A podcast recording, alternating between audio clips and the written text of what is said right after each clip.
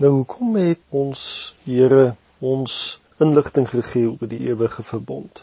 Ek het al reeds gesê dit is nie altyd die maklikste verteerbare inligting nie, maar om insig en openbaring te hê in hierdie waarheid lei tot uitmuntende geestelike resultate in jou lewe.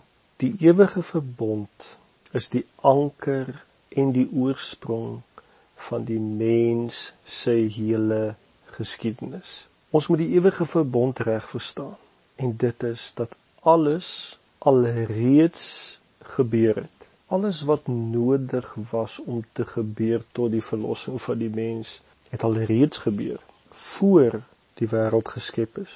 Ons kan dit so sê, die hele wêreldgeskiedenis het al reeds verloop gebeur voordat die wêreld geskep is. Onthou net God en die ewige verbond is anderkant tyd en ons môre ons toekoms is soos die verlede vir God. Onthou, daar is niks wat God nie weet nie of iets wat hy nie van geweet het of hom verras het of iets wat hy nie kan verduidelik nie, want hy is tydloos. Daarom werk God vanuit 'n posisie van sekerheid oor ons verlede, hede en ons toekoms. God word nie onkant gevang of betrap of verras deur die gang van die geskiedenis nie. Die sondeval was nie vir hom 'n nare verrassing of iets wat hom geskok het nie, want in die ewige verbond het hy alreeds voorsiening gemaak vir enigiets wat kan gebeur.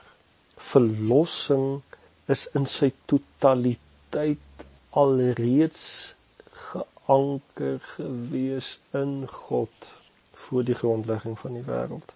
Daarom is alles in ons verlossing seker en vir altyd en betroubaar want God het alreeds al sy werk voltooi voordat die wêreld eers geskep is.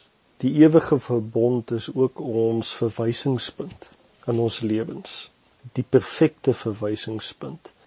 Onthou 'n verwysingspunt is 'n vasstaande punt of 'n basis vanuit waar ons alles benader. Dit is 'n anker, 'n oorsprong van jou lewe en vanuit hierdie waarheid word alles bepaal, kry alles sin omdat God al finaal besluit het en sy werk voltooi het in die ewige verbond. Onthou asseblief God het hierdie besluit geneem omdat hy wou.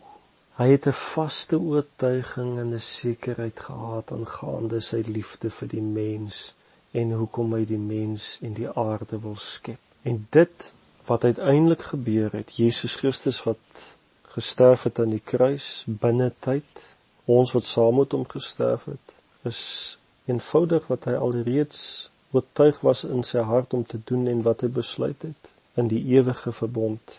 Ja, hierdie goed kan dalk 'n bietjie vir jou de mekaar maak, maar soos wat ek dit probeer verduidelik en jou uitsaam met my, gaan dit duideliker word.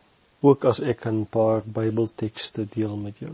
Dis is dit baie belangrik om te hoor wat ek sê dat alles aangaande ons verhouding met God en ons verlossing is dus alreeds bepaal gewees bo en buite tyd in die ewige verbond. Dus kan niks in ons tyd en ruimte dit bepaal wat buite tyd en ruimte deur God besluit is nie. Ons het 'n verlossing in Christus wat nie beperk word met tyd nie. Ons verlossing in Christus word bepaal deur openbaring van hierdie waarheid.